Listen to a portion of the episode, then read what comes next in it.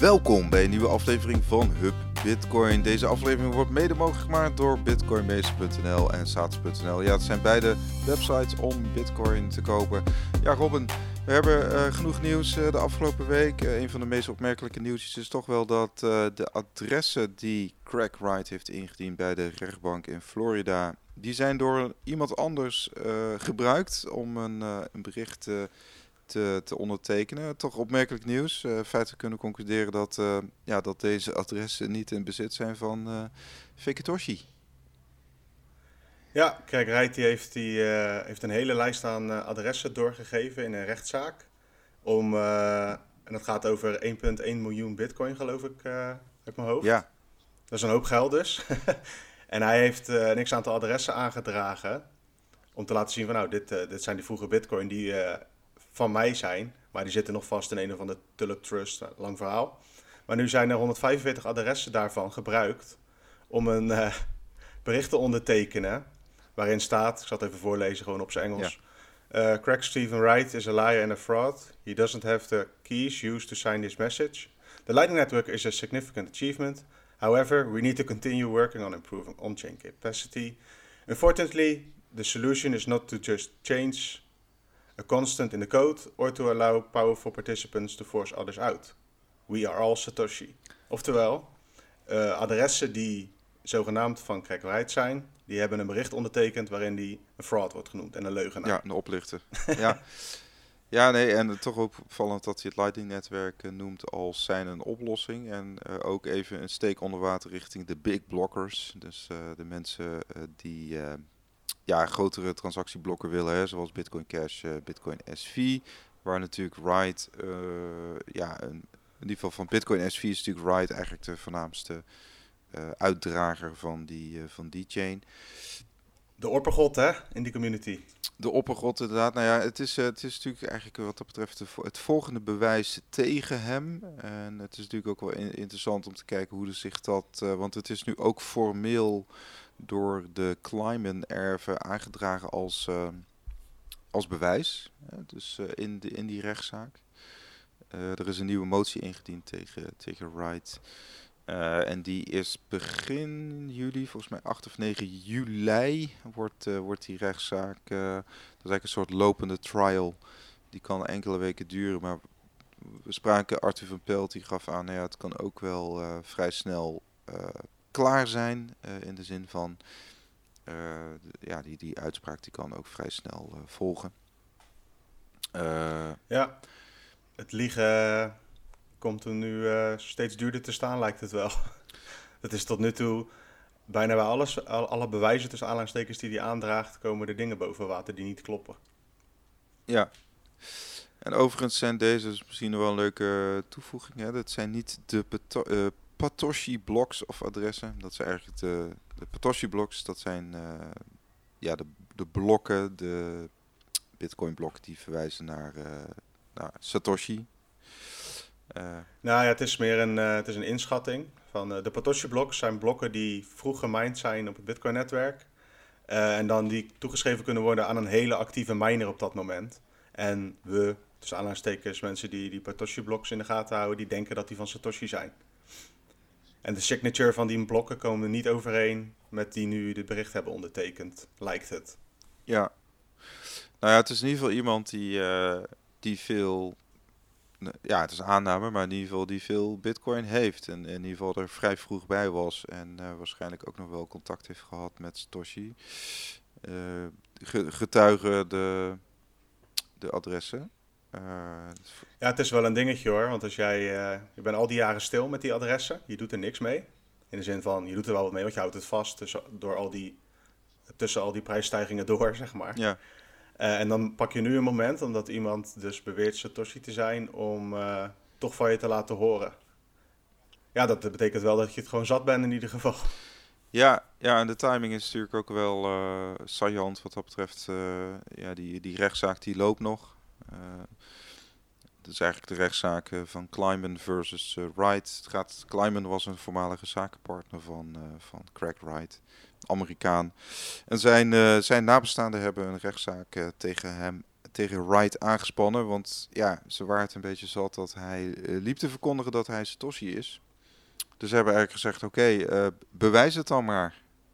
als jij zegt dat jij die 1,1 miljoen bitcoin hebt, dan, ja, dan heeft jouw voormalige zakenpartner waar je de verschillende dingen mee hebt, waarmee je dus die Tulip Trust hebt opgezet, dan hebben wij daar de uh, recht op de helft uh, binnen, binnen dat trust. Dus het kan, het kan nog in potentie behoorlijk ja, in het gezicht ontploffen van, van Craig Wright. Ja, hij verliest eigenlijk altijd, want als hij wint, dan moet hij het helft van zijn zogenaamde fortuin inleveren. Ja. Maar dan heeft hij wel zogenaamd bewezen dat hij Satoshi is. En voorlopig lijkt dat er helemaal niet op. En ik ken ook maar weinig mensen, we kennen er allebei wel een paar, die nog uh, hierin trappen en dit geloven. Maar uh, ja, dit blijft gewoon een hot topic waarschijnlijk dit jaar. En misschien uh, gaat het nog wel veel langer door dan alleen dit jaar. Want ik denk niet dat hij snel ophoudt. Nee, precies. En... Hij, heeft, hij heeft diepe zakken. Precies, nou, hij heeft ook vrienden met diepe zakken. En ehm, we, hebben, we hebben natuurlijk eerder met Arthur van Pelt uitgebreid gesproken. En hopelijk dat we binnenkort weer met Arthur een update kunnen, kunnen opnemen voor, voor Hub Bitcoin. Want ja, dit, dit is een dossier wat, wat zich blijft voortduren. en het heeft, ja, het heeft verschillende um, kanten ook. Het zal ook wel op den duur gaan over Bitcoin SV en iedereen die daarbij betrokken is. Want onder andere ben ik even zijn naam kwijt, maar een uh, ja, handlanger wil ik hem niet noemen. Een soort assistent hè, van, van Craig Wright. Die, ja, ik weet wie je bedoelt. Ik kom ook even niet op zijn naam. In ieder geval. Die met die uh, jongere, jongere meisjes op de foto's gaat, ja. Oh ja, dat is, dat is die Kelvin Ayer. Dat is eigenlijk een... Uh, oh ja. Die heeft, Believer. Nou ja, die heeft heel veel geld uh, vergaard met, in de online gokwereld. Um, en die behoort inderdaad tot, tot het selecte groepje vertrouwelingen. En naar verluid is hij ook financier binnen, binnen uh, hoe heet het? Enchain. Enchain is eigenlijk de, het bedrijf achter Bitcoin SV. En je kunt het een beetje vergelijken met, uh, ja, het is een hele bouwde vergelijking, maar je hebt natuurlijk binnen de Bitcoin-wereld Blockstream. Ja, dat is ook een, een, een bedrijf, kun je zeggen, die uh, ja, Bitcoin-technologie aan de man wil brengen. Uh, volgens mij van oorsprong zijn er ook veel vroege Bitcoiners, Bitcoin devs, uh, bij Blockstream betrokken. Ja, ik denk niet dat uh, Adam Beck en Blockstream er blij mee is dat je ze vergelijkt met Enchain. Maar goed, ik snap waar je naartoe nee, wil. Precies. Het is ook gewoon een, een bedrijf die ja. bouwt, bouwt aan het protocol. En bij... Ja, ik, ik vind het opmerkelijk dat je zo op de hoogte bent joh, van, die, van Bitcoin SV-structuur. Ik laat het maar een beetje langs me heen gaan. Misschien is dat niet helemaal goed, maar... Nou ja, ik, ik, ik heb het gehaald hè, uit die Arthur van Pelt interview. En die, oh, ja. die, die ja, die volgt dat op de voet. Maar goed, het... Dat is aflevering nummertje 19 trouwens, als je terug wil luisteren.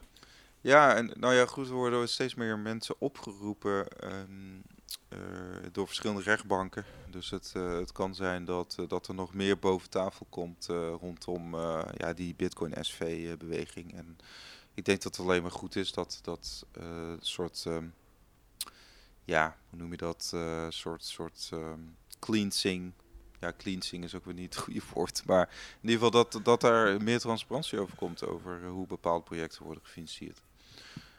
Ja, ik heb ook zoiets van uh, laat ze maar lekker. Uh, kijk, ik vind het vooral kwalijk als je bijvoorbeeld naar, als je het dan over andere, als je het over Bitcoin Forks hebt, als je bijvoorbeeld naar bitcoin.com gaat.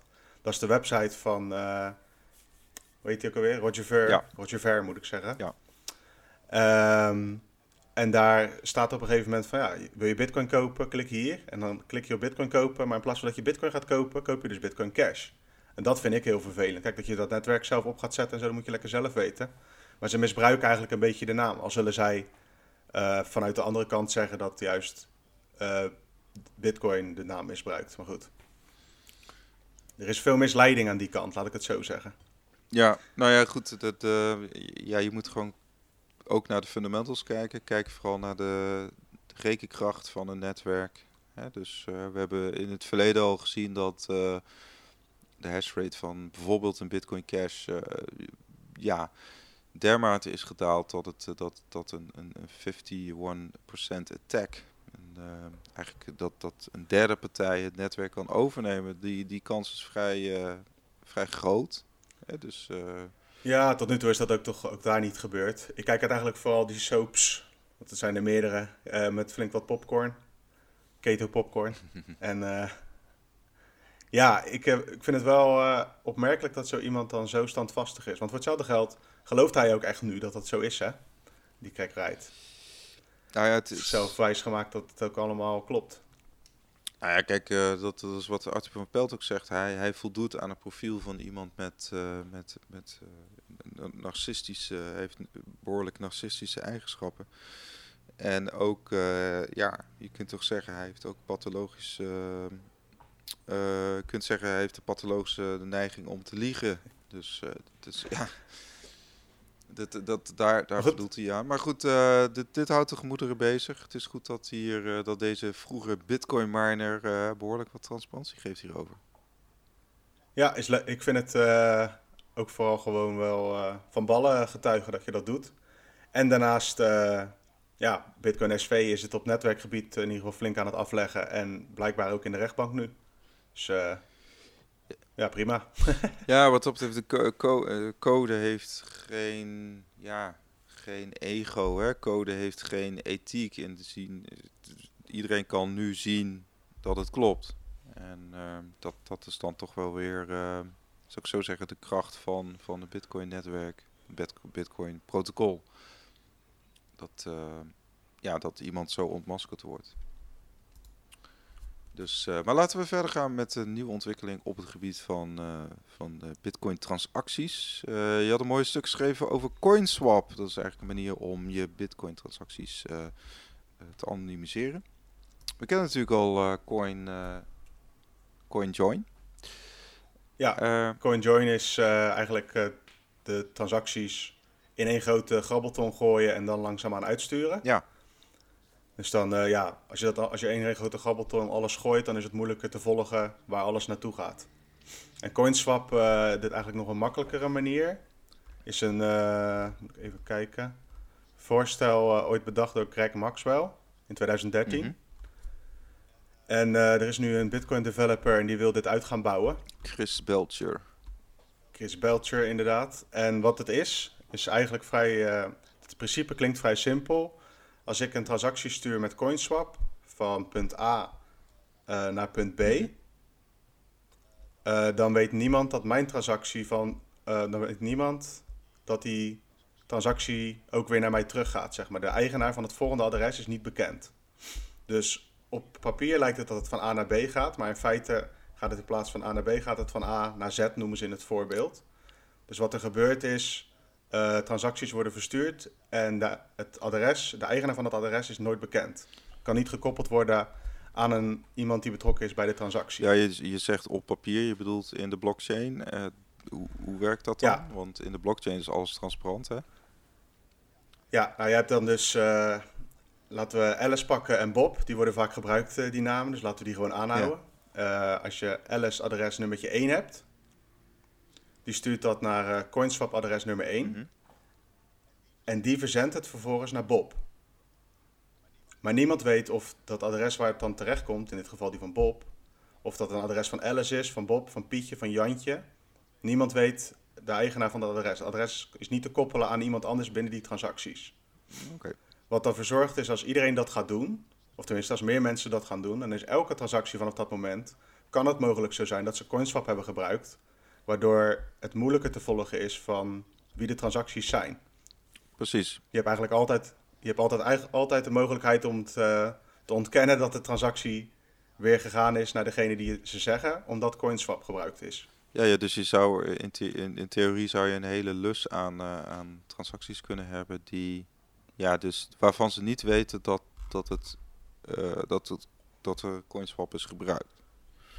Ja, kijk, het netwerk weet het in de zin van, uh, op de blockchain staan gewoon de transacties. Het zijn gewoon normale Bitcoin-transacties, net als elke ander uh, worden opgeschreven en bijgehouden door elke node op het netwerk, gecontroleerd om te kijken of het wel mag, ja. of het wel klopt.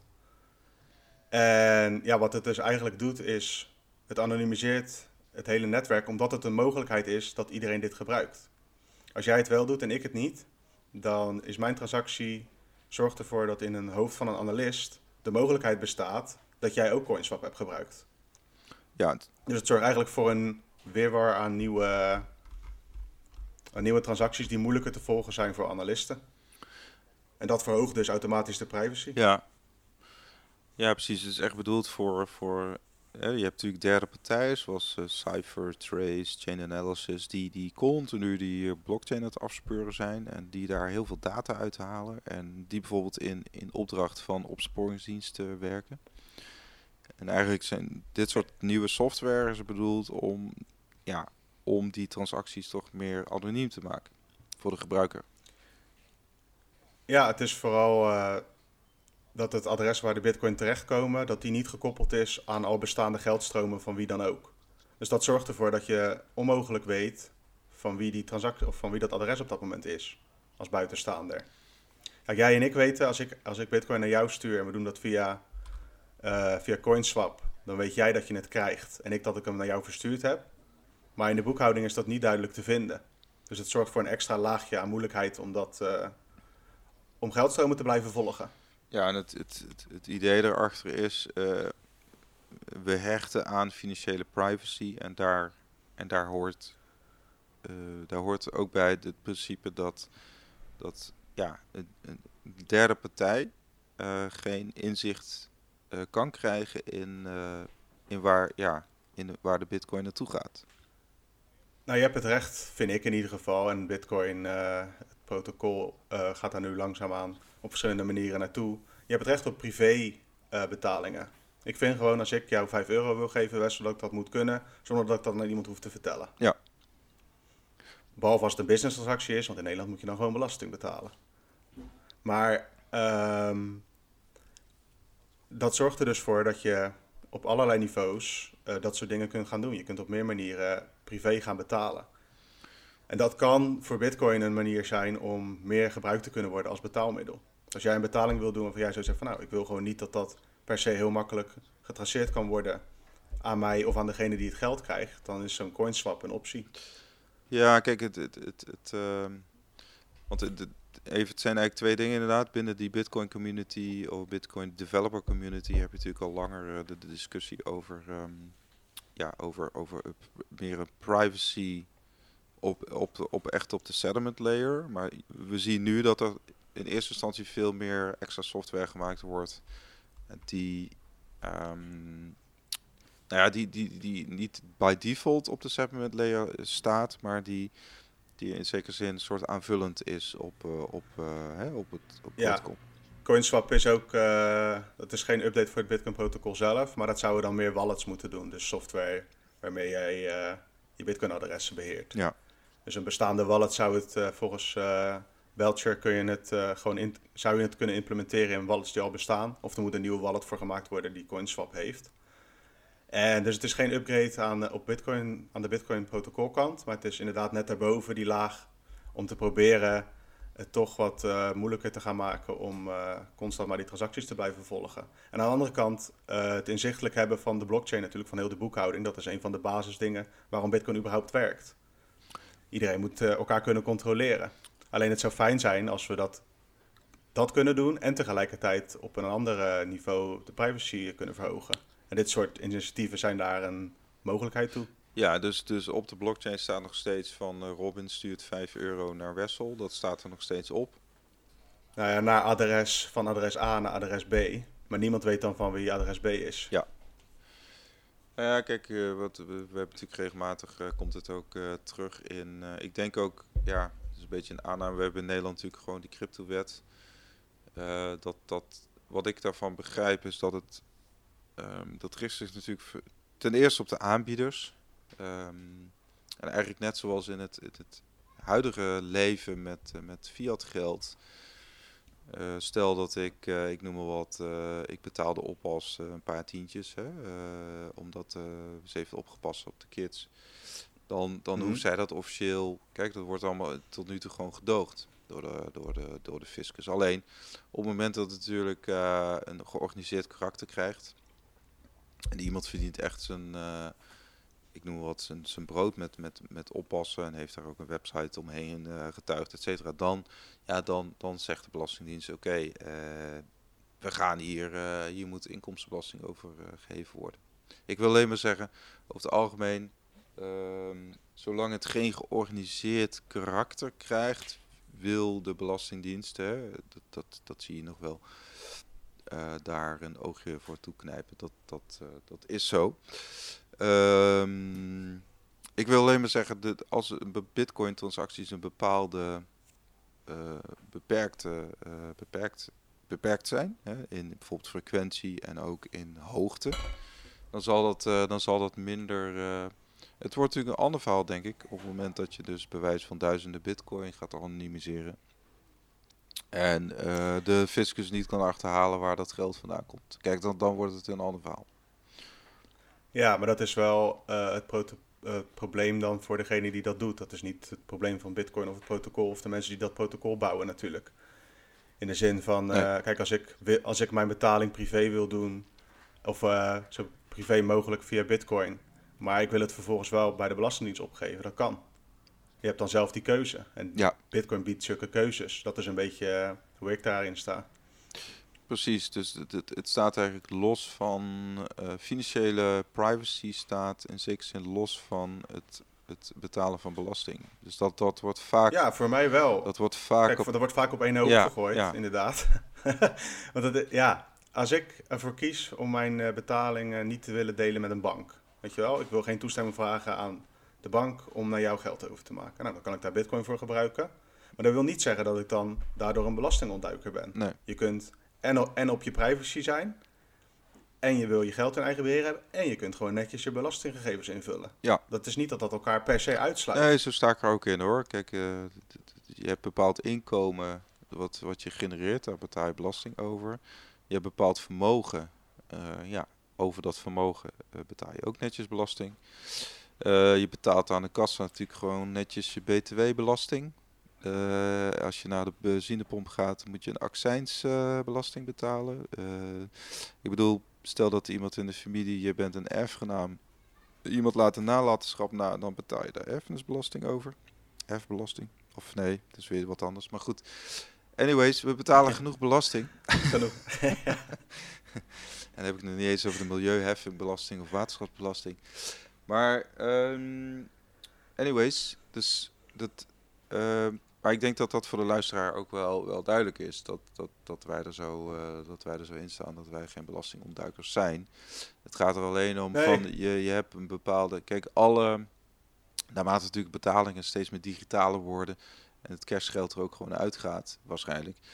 Uh, is feitelijk alles inzichtelijk. En krijg je toch een soort uh, surveillance uh, vanuit de overheid, Belastingdienst, CQ, co commerciële ja. banken.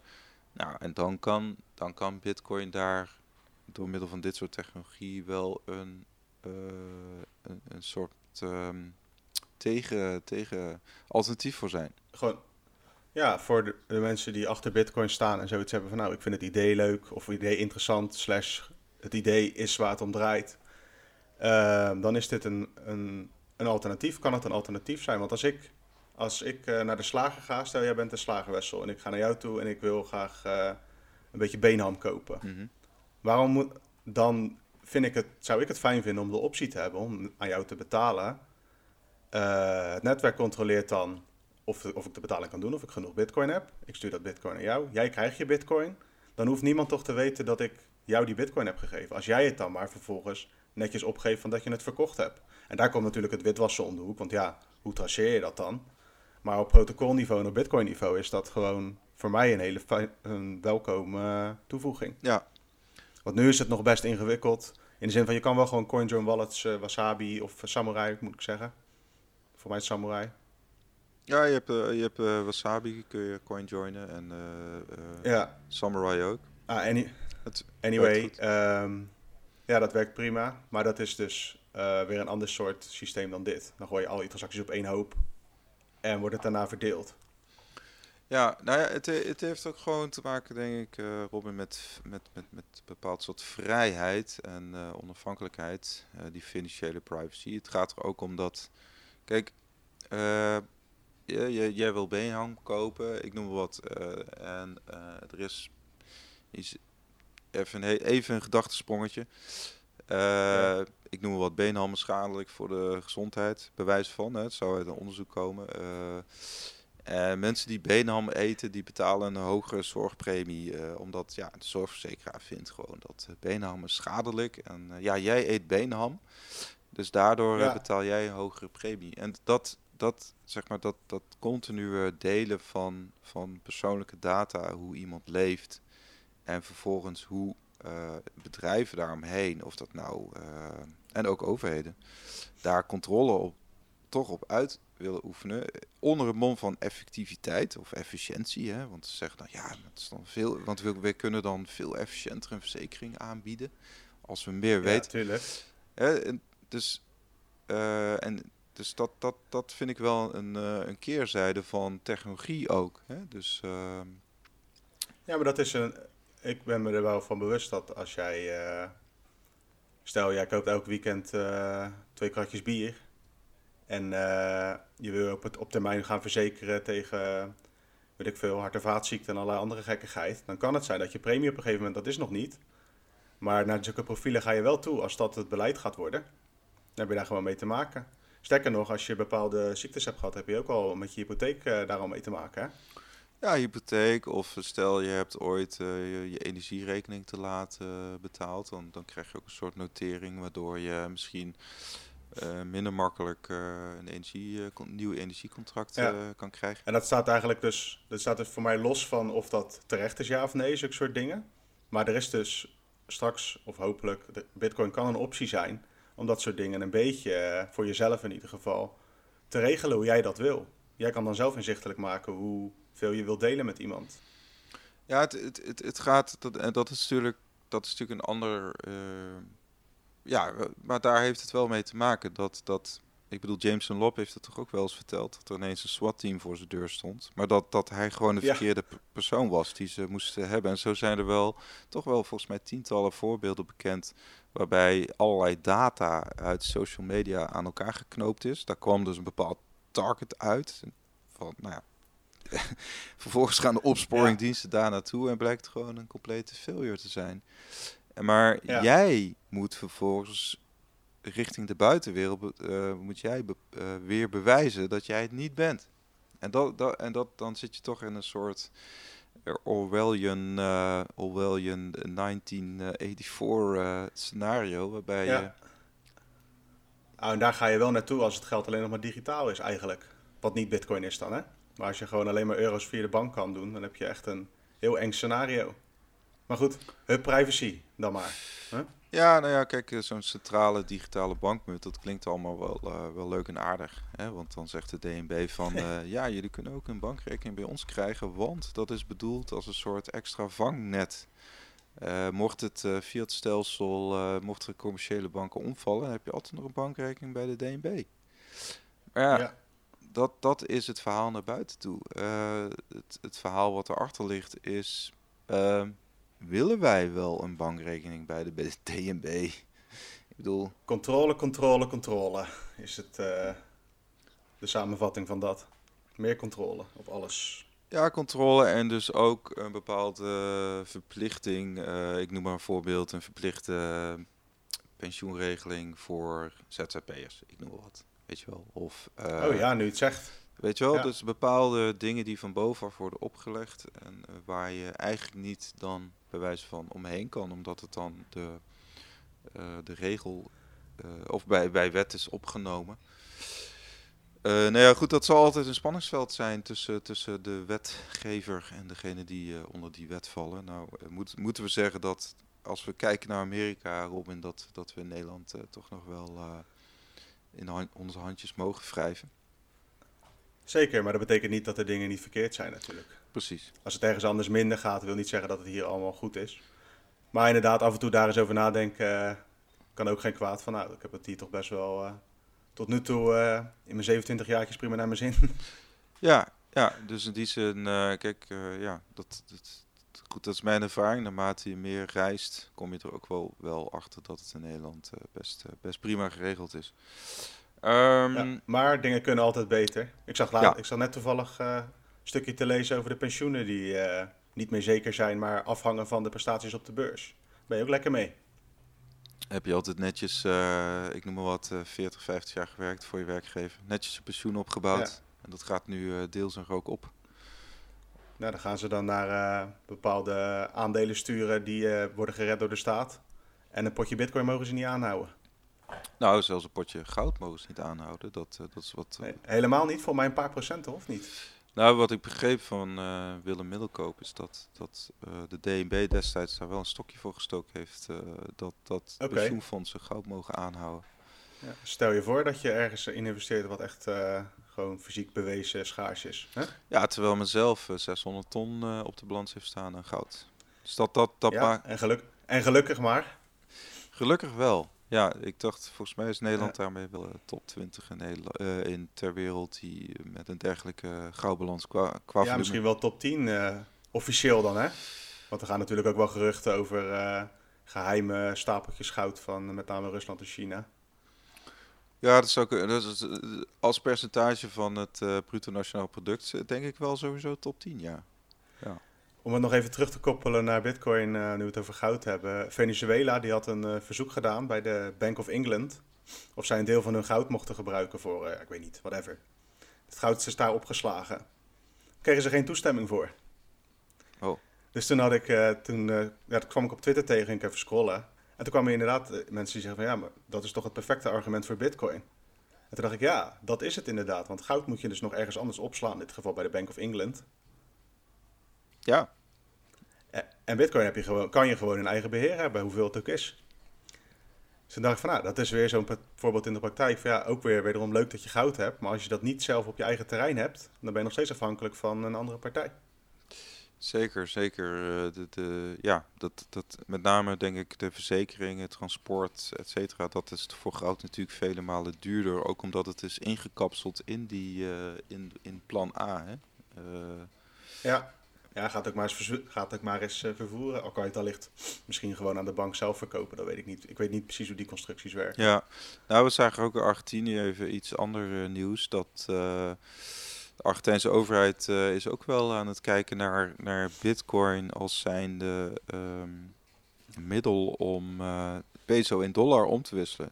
Dus men wil verscherpte controles op, eh, op de bitcoinhandel, met name de peer-to-peer handel, omdat ja, het werd, bitcoin wordt gebruikt om, om die zwakke peso om te ruilen in een sterkere dollar. Dus stel, stel Ja. je hebt, ik noem wat, je hebt eh 100.000 dollar in peso's op je spaarrekening staan. Je bent een gevierde ondernemer, Robin, in Argentinië. Je denkt, ja, het wordt alleen maar minder waard. Eh, wat is het? eh, 30, 40 procent eh, alleen al dit jaar. Dus die, van die 100.000 blijft er nog eh 60, 70.000 over. Dus, dus ja, eh, eh, waarom dat dan niet omzetten in dollars? Via bitcoin. Dat mag niet, hè? Ze hebben daar regels voor geïmplementeerd. Eh, ik weet nou niet of het van een bepaald bedrag eh, naar 1000 ging. Of dat het rond, echt rond de 200 dollar of zo per maand was of zo per Argentijn. 2000 dollar. Maar in ieder geval, die, eh, die vluchtroute is eigenlijk relatief ver afgekapt. En dan kan bitcoin inderdaad een optie zijn, want je, dat is nog niet gelimiteerd. Dus je kan inderdaad je pesos dumpen voor bitcoin. En met je bitcoin, als je geen bitcoin zelf wil hebben, kan je bitcoin gebruiken inderdaad om dollars te kopen. Want die grens is natuurlijk niet gesloten. Maar nu eh, gaan ze dus de andere kant ook eh, aanpakken, denk ik, in Argentinië. Ja, het was niet echt duidelijk hoe ze dat gaan doen, maar ze gaan in ieder geval wel kijken naar alle transacties. Dus eh, Ja, kijk, die eh, person-to-person markten wordt lastig, denk ik, om, eh, om dat te ondervangen. Maar je kan net als in Nederland natuurlijk gewoon regels maken voor de officiële exchanges die er eventueel zijn daar. ja, zo'n local bitcoins heeft natuurlijk gewoon een KYC, maar bijvoorbeeld een, een, een Ja. BISC en hodl hodl niet. Maar ja, dan, dan, dan ben je toch afhankelijk van mensen die die, eh, die, die, ehm, eh, ja, die bitcoin willen verkopen ook natuurlijk. Dus je, je, je, je moet sowieso Ja. wel een liquide beurs hebben om, eh, om ik noem maar wat, die 100.000 eh, dollar in peso om te ruilen in echte dollars. Kijk, en dat is natuurlijk wel echt een ding, ja, we hebben het al vaker over gehad, van dit is wat de politiek eh, kan doen om bitcoin tegen te werken, om het moeilijker te maken om er eh, gebruik van te maken. En dat kan op lokaal niveau best wel extreem, blijkbaar.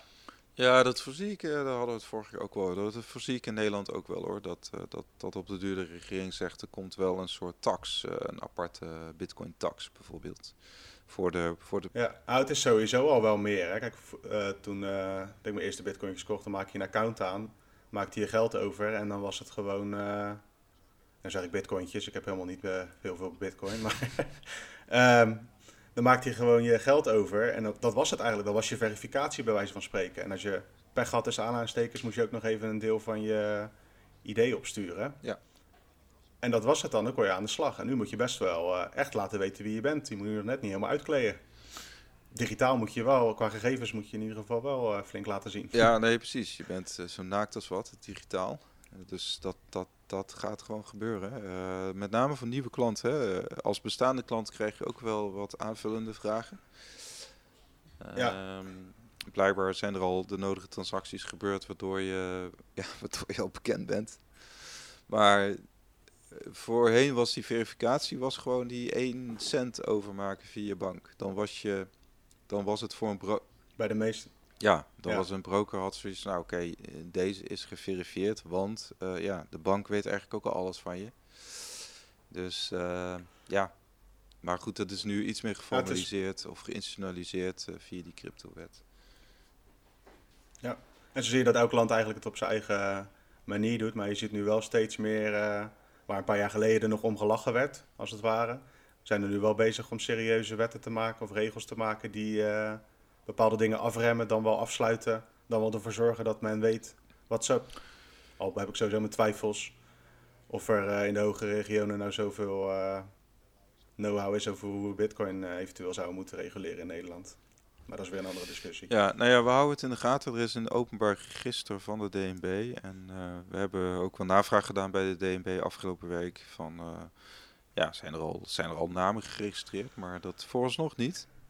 dus ehm, er zijn wel een paar, maar dat, dat, dat is weer net een iets ander uh, register. Dus die zijn, die zijn dan geregistreerd als betaalinstelling. Uh, maar goed, dat houden we ook in de gaten. Um, als we het dan toch over de gevestigde orde hebben, uh, Robin. Goldman Sachs. Goldman Sachs was in het nieuws natuurlijk omdat feitelijk kwamen zij tot, tot, tot de conclusie van... Um, ja, bitcoin is voorlopig geen interessante asset voor onze klanten onze klanten, dat zijn dan vooral uh, ja, echte grote partijen. Hè. Voor, voor zo'n grote bank heb je dan, heb je het dan over uh, ja, grote family offices, grote beleggingsfondsen, uh, waarschijnlijk ook pensioen, pensioenfondsen, la, landen. landen. Ja, precies. dus ja, die hadden een, een meeting met hun, met hun klanten. En dat was gewoon een PowerPoint-presentatietje, zo zag het eruit in ieder geval. En ja, dan ging het ook even vijf minuten over bitcoin en goud was niet echt ruimte voor vragen, van wat ik begreep. Vertelden ze bij eh, de blokken in ieder geval. Die, hadden dat, uh, die hebben dat via via weer gehoord, uiteraard. Er is altijd wel iemand die even lekt. En ja, die geven eigenlijk aan van Bitcoin is gewoon geen, geen goede investering voor, voor jullie. Dat zeggen zij. Want het genereert geen cashflow, zoals bijvoorbeeld obligaties, staat er. ze genereren geen winsten als je het wat? Als de economie groeit. Dus het, ze vertellen dus dat Bitcoin niet kan groeien als de economie floreert in de wereld. Ook, ook, heel, ook heel raar, ja. Ja, uh, ik doe het even in het Engels, dat is makkelijker. Do not provide consistent diversification benefits, giving their unstable co correlations. Oftewel, ze zeggen het is niet gecorreleerd, niet heel sterk gecorreleerd aan allerlei wereldmarkten. En daarom is het niet goed, geen goed diversificatiemiddel. Wederom, heel gek. Ja, met, met, ja nee, inderdaad. Ja, terwijl je zou zeggen van het is juist een diversificatiemiddel voor, voor, voor beleggers die ook uh, een plan B willen. Ja, Kijk, en die eerste twee, uh, geen cashflow en niet per se verdienen als de wereld groeit. Ja, dat is, ook, dat is gewoon bij design. Je hebt gewoon bitcoin en de markt bepaalt de prijs. Dat is je investering. Je genereert niks met het vasthouden, behalve dan eventueel als de prijs stijgt je genereert geen nieuwe bitcoin als je het vasthoudt en er niks mee doet. Behalve dan dus dat je het wel in eigen beheer houdt. Het is een beetje een, uh, een gek stukje. Ik zal het nog even verder doen. Ja. Uh, do not dampen volatility, giving historical volatility of 76%. op bijvoorbeeld ma in maart 2000, uh, of maart van dit jaar, maart 12 was dat. Ja, Black Thursday. Toen ging de prijs met 37% uh, naar beneden. Ja, wederom, dat is ook wel inherent aan een klein, uh, klein netwerk. Ja, misschien dat... En do not show evidence of hedging inflation. Nou, dat is ook echt... Uh, Bitcoin heeft dus een steeds lager inflatiecijfer elke vier jaar. En zij zeggen dus dat het niet tegen inflatie werkt als hedge. Ja, nou ja, ik, ik vind het raar, best wel een aantal rare argumenten. Want, want ik bedoel, volatiliteit, dat is toch juist voor, voor traders uh, juist een pluspunt, zou ik zeggen. Want uh, hoe meer koersrommelingen, hoe meer potentiële winst of verlies. Ja. Maar goed, dat is juist voor een handelaar, denk ik. Heeft, uh, heeft Goldman Sachs ook niet uh, ooit Circle gekocht? Dat is ook een Bitcoin-beurs. Uh, ja, ze hebben daar een, uh, inderdaad, uh, ze hadden daar een aandeel van 9% in, in Circle. Volgens mij nog steeds. Ja. Volgens mij nog steeds. sterker nog, ze hebben volgens mij zelfs ooit een trading desk gehad voor Bitcoin. Maar ja. dat is echt 2017 geweest uit mijn hoofd. Of ze hebben daar toen ja, het is een terug, maar uiteindelijk zijn, uh, hebben ze daarvan afgezien. Dat was het. Ze hebben nooit echt daadwerkelijk een trading desk gehad. Ah. Nou, dat is ook wel een ding. Als jij Goldman Sachs bent, een investeringsbank, dan verkoop je natuurlijk allerlei financiële producten die je nergens anders kan krijgen. Je kunt niet even, als jij en ik even online gaan, dan kan je niet uh, die financiële producten kopen die zij aan hun cliënten aanbieden. Nee. Bit, bij Bitcoin kan dat wel. Elke cliënt van hun uh, en wij kunnen in principe dezelfde Bitcoin kopen. Klopt. Alleen ja. Uh, zij, dus, zij... dus eigenlijk is het een heel grote concurrent voor hun in de zin van Bitcoin. Daar heb je geen Goldman Sachs voor nodig om in te investeren. Nee, precies. precies. En, en zij zitten natuurlijk vuisten diep in, in plan A-producten. Uh, en plan A-producten ja. zijn aandelen, obligaties, ook goud en zilver. Dus dat, uh, dat, dat, dat, dat, ja, goed, dat, zij hebben daar geen belang bij. En uh, dus, dus dat... Nou, sterker nog, ze hebben belang bij dat het denk ik niet, uh, niet groot, groter wordt dan dat het al is. Ja, wie weet, wie weet dat zij toch wel ook uh, op, bij CME bitcoin shorten. Ja, je weet het niet. Dus het, het is... Ja, of privé toch ook al. kijk, als Goldman Sachs wel bij wijze van spreken een bitcoin reserve aan het aanbouwen is, niet dat dat zo is, hè? Maar dan zouden ze ook niet nu al zeggen dat ze dat aan het doen zijn en dat iedereen bitcoin moet kopen. Dan gaan ze eerst dat stapeltjes uh, leuk opbouwen Zou natuurlijk. kunnen, zou kunnen. Kijk, het... dat, is de, dat is denk ik niet aan de orde hoor, maar er zijn allerlei verschillende belangen te bedenken waarom zij ook niet in het openbaar iets over positiefs over bitcoin zouden gaan uh, promoten. Ja, dat zou kunnen. Hè? Dat, dat ze zeggen, nou ja, dat, dat is een beetje aluhoedje-achtig, maar dat ze, het juist downplayen zodat de prijs uh, laag ja. blijft. Ik denk niet dat dat het geval is hoor, maar ik denk gewoon dat ze zoiets hebben van, dit is niet hoe onze investeringsstructuur en zo werkt. Nou, maar ja, als je als asset manager anno nu nog steeds zoiets hebt van, uh, nou, bitcoin is het niet voor mij, dan moet je toch wel heel zeker van je zaak zijn, want voorlopig uh, is het nog steeds de best beterende asset in deze eeuw. Ja, kijk, Goldman Sachs, Goldman Sachs speelt altijd op verschillende borden tegelijk. Dat hebben we ook gezien bijvoorbeeld met het failliet van Griekenland destijds. Ja. Dus zij, zij adviseren een land en tegelijkertijd ehm, shorten ze een land, bewijs van. Hè? Dus, het is, ja. ja, dus, dus het is wat dat betreft heel... Um, ze, ze, ze, ze, ik, het, het zou mij verbazen als ze geen bitcoin zouden hebben. Omdat ze toch, uh, ook al is het maar een heel klein beetje, in hun ogen... Hè? Ja, ik, ik, weet niet of, ik weet niet of we al zover zijn als die banken dat al doen. Ja, nou en die... Want het ja. kan ook daadwerkelijk zo zijn dat ze het niet serieus nemen nog steeds. Dat kan. Zou kunnen, zou kunnen. Dat... Uh, ik bedoel, uh, ja, iemand als uh, Paul Tudor Jones, hè, die uh, naam is natuurlijk veel genoemd de afgelopen weken. Dat, um, dat is wel iemand van de oude garde die, die het dus wel ziet, ziet zitten. Weliswaar als we Bitcoin Futures. Ja. Daarmee komen we ook op bij het laatste onderwerp, WISE ratings. Hey, een bruggetje. Bruggetje, bruggetje. Um, even kijken, ja, WISE ratings, die had een leuk, leuke tweet eigenlijk wel, hè. een beetje prikkelen, moet kunnen. Uh, ze zeggen eigenlijk, nou, Bitcoin heeft veel meer. Uh, uh, er zijn gewoon veel meer Bitcoin dan die 21 miljoen die iedereen, of iedereen die in het protocol is ingebakken. Um, ja, wat, wat bedoelen ze daarmee, Robin? Misschien kun je het even goed uitleggen. Nou, het zijn eigenlijk, ze hebben het dan over papieren bitcoin. Natuurlijk zijn er gewoon nu ruim 18 miljoen bitcoin op het bitcoin-netwerk aan zich. Maar er worden allerlei financiële producten om bitcoin heen gebouwd, waarmee je op de prijs van bitcoin kunt speculeren, zoals bijvoorbeeld bitcoin futures, zonder dat daar ooit een bitcoin bij aan, aan te pas ja, komt. precies.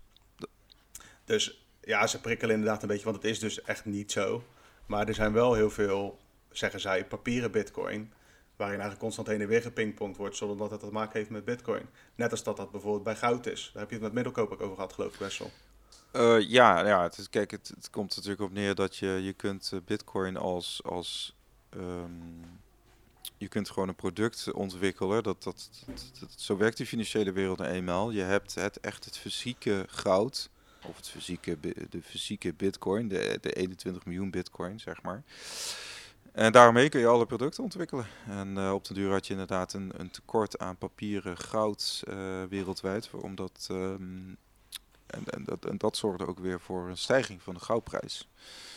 Uh, we zagen natuurlijk bij olie dat de oliefutures zelfs een negatieve prijs kreeg. Ja, en, ja. ja, daar zat wel wat nog wat meer achter. Want wat ik begreep van oliefutures, als die aflopen, dan moet je ook daadwerkelijk dat vat meenemen. Oké, okay, ja. Dus als jij, dus als jij uh, in de min staat, dan betaal je dus. of tenminste, ik moet anders zeggen. Als jij uh, uiteindelijk zo'n vat krijgt voor 20 euro, maar het kost je 30 euro om het op te slaan, dan ga je dat niet doen. Dus dan gaat het de negatieve kant op met die futures. Dat was wat er volgens mij gebeurde. Precies. Daar. Dat is bij goud en uh, bitcoin futures vaak anders, omdat daar dus gewoon de dollar ge, achter ligt en niet een bitcoin of goud. Bij olie is het dus vaak gewoon olie, blijkbaar. Ah, oké. Okay. Dus echt, ja, oké. Nou goed, dan is dat toch wel verschil. Waar het hier over ging, hè? Over die negatieve futures. Je zal ook vast wel oliefutures hebben waar ook wederom door de dollar gedekt was. Maar dat ging specifiek over die soort futures. Ja, we op de Bitcoin-wereld eigenlijk alleen BACT uh, die uh, de fysieke BTC uh, aanbiedt. Volgens mij is tegenwoordig trouwens misschien ook CME. Maar dat is, doen ze, dacht ik, via een handelshuis in Singapore. Maar dit, dit, dit is bij, bij ja, far veel minder populair dan echt nog steeds de papieren bitcoin. Er, dus je speculeert met bitcoin als onderliggende waarde, maar je krijgt je, je winst of verlies uh, gewoon in dollars. Dus dat, dat, dat is eigenlijk ja. de eigene manier voor handelaren om uh, in, met bitcoin te... En dat, dat doet bijvoorbeeld ook een Paul Tudor Jones, hè? Die, koopt geen, die koopt dus geen echte bitcoin, kun je zeggen. Maar die koopt de futures en dat is gewoon een manier om, uh, om, om met, met deze asset om te gaan. Voor hun dan. Hè. Kijk, voor ja, of... Hij koopt uh, blootstelling aan de prijs. Dat koopt hij. Ja. Met futures. Ja, precies. Kijk, voor de echte uh, aficionado's, die kopen natuurlijk gewoon het echte, de echte bitcoin. Dat kan gewoon via spotmarkten. En um, ja. dat is natuurlijk uiteindelijk ook de bitcoin die, of ja, logischerwijs de wat we hebben gezien bij de helving, dat, dat, dat natuurlijk die voorraad aan nieuwe bitcoin uh, is gehalveerd. En dat, ja, dat gaat dus echt om de echte fysieke bitcoin, eh, waar wij het eigenlijk voornamelijk over hebben. Maar goed, ja, het is ook een asset class. Hè? Dat is uh, fase 4 in het uh, model van uh, stock-to-flow cross asset model van, van plan B. En, ehm, ja, Goldman Sachs is het daar niet mee eens. Die kwalificeert het dus duidelijk niet als een beleggingscategorie voor hun. Nee, maar, plan B is nog niet bij Goldman Sachs doorgedrongen. Terwijl ja, we weten dat hij bij een grote Nederlandse bank werkt. Um, dus wie ja. weet. Ja, ja. Voor mij is, kijk, ik vind het allemaal wel prima. Des te langer hebben wij de tijd Wessel om nog een beetje stosjes te vergaren. Precies, precies. Goed, en uh, des te meer tijd we ook misschien hebben om uh, nog meer over Bitcoin te schrijven. Uh, ga yes. dan vooral naar Bit. Waar doen we? Ja. Waar doen we dat ook alweer? Bitcoinmagazine.nl. Hey. Ja. Uh, en natuurlijk gewoon verschillende, de verschillende uh, socials. We hebben komende week trouwens ook een leuke special. Dat, uh, die behouden we nog even als cliffhanger. En een speciale special, iets meer aandacht voor een bepaald onderwerp binnen, binnen de Bitcoin. Of kunnen we het wel al gewoon een beetje noemen? ja, we gaan een lightning maand doen op de website. Dus mocht je geïnteresseerd zijn in... Ja snellere bitcoin betalingen op het Lightning Network of gewoon willen weten what's up, check vooral de website de komende maand. Want uh, we proberen elke dag een artikel online te knallen. En uh, dat wordt leuk, denk ik. Leerzaam ook voor onszelf. Ja, nee, precies. Dus, um, nou ja, hartstikke leuk. Uh, bedankt voor het luisteren en ga vooral naar de socials. We hebben een hele leuke Telegram groep. ruim, ruim 3000 Bitcoin-liefhebbers zitten daarin. Dan kun je altijd een vraag inschieten. En meestal proberen we dat zo snel mogelijk te antwoorden met goede info. En nou, tot de volgende keer zou ik zeggen. Geniet van de zon. Yes.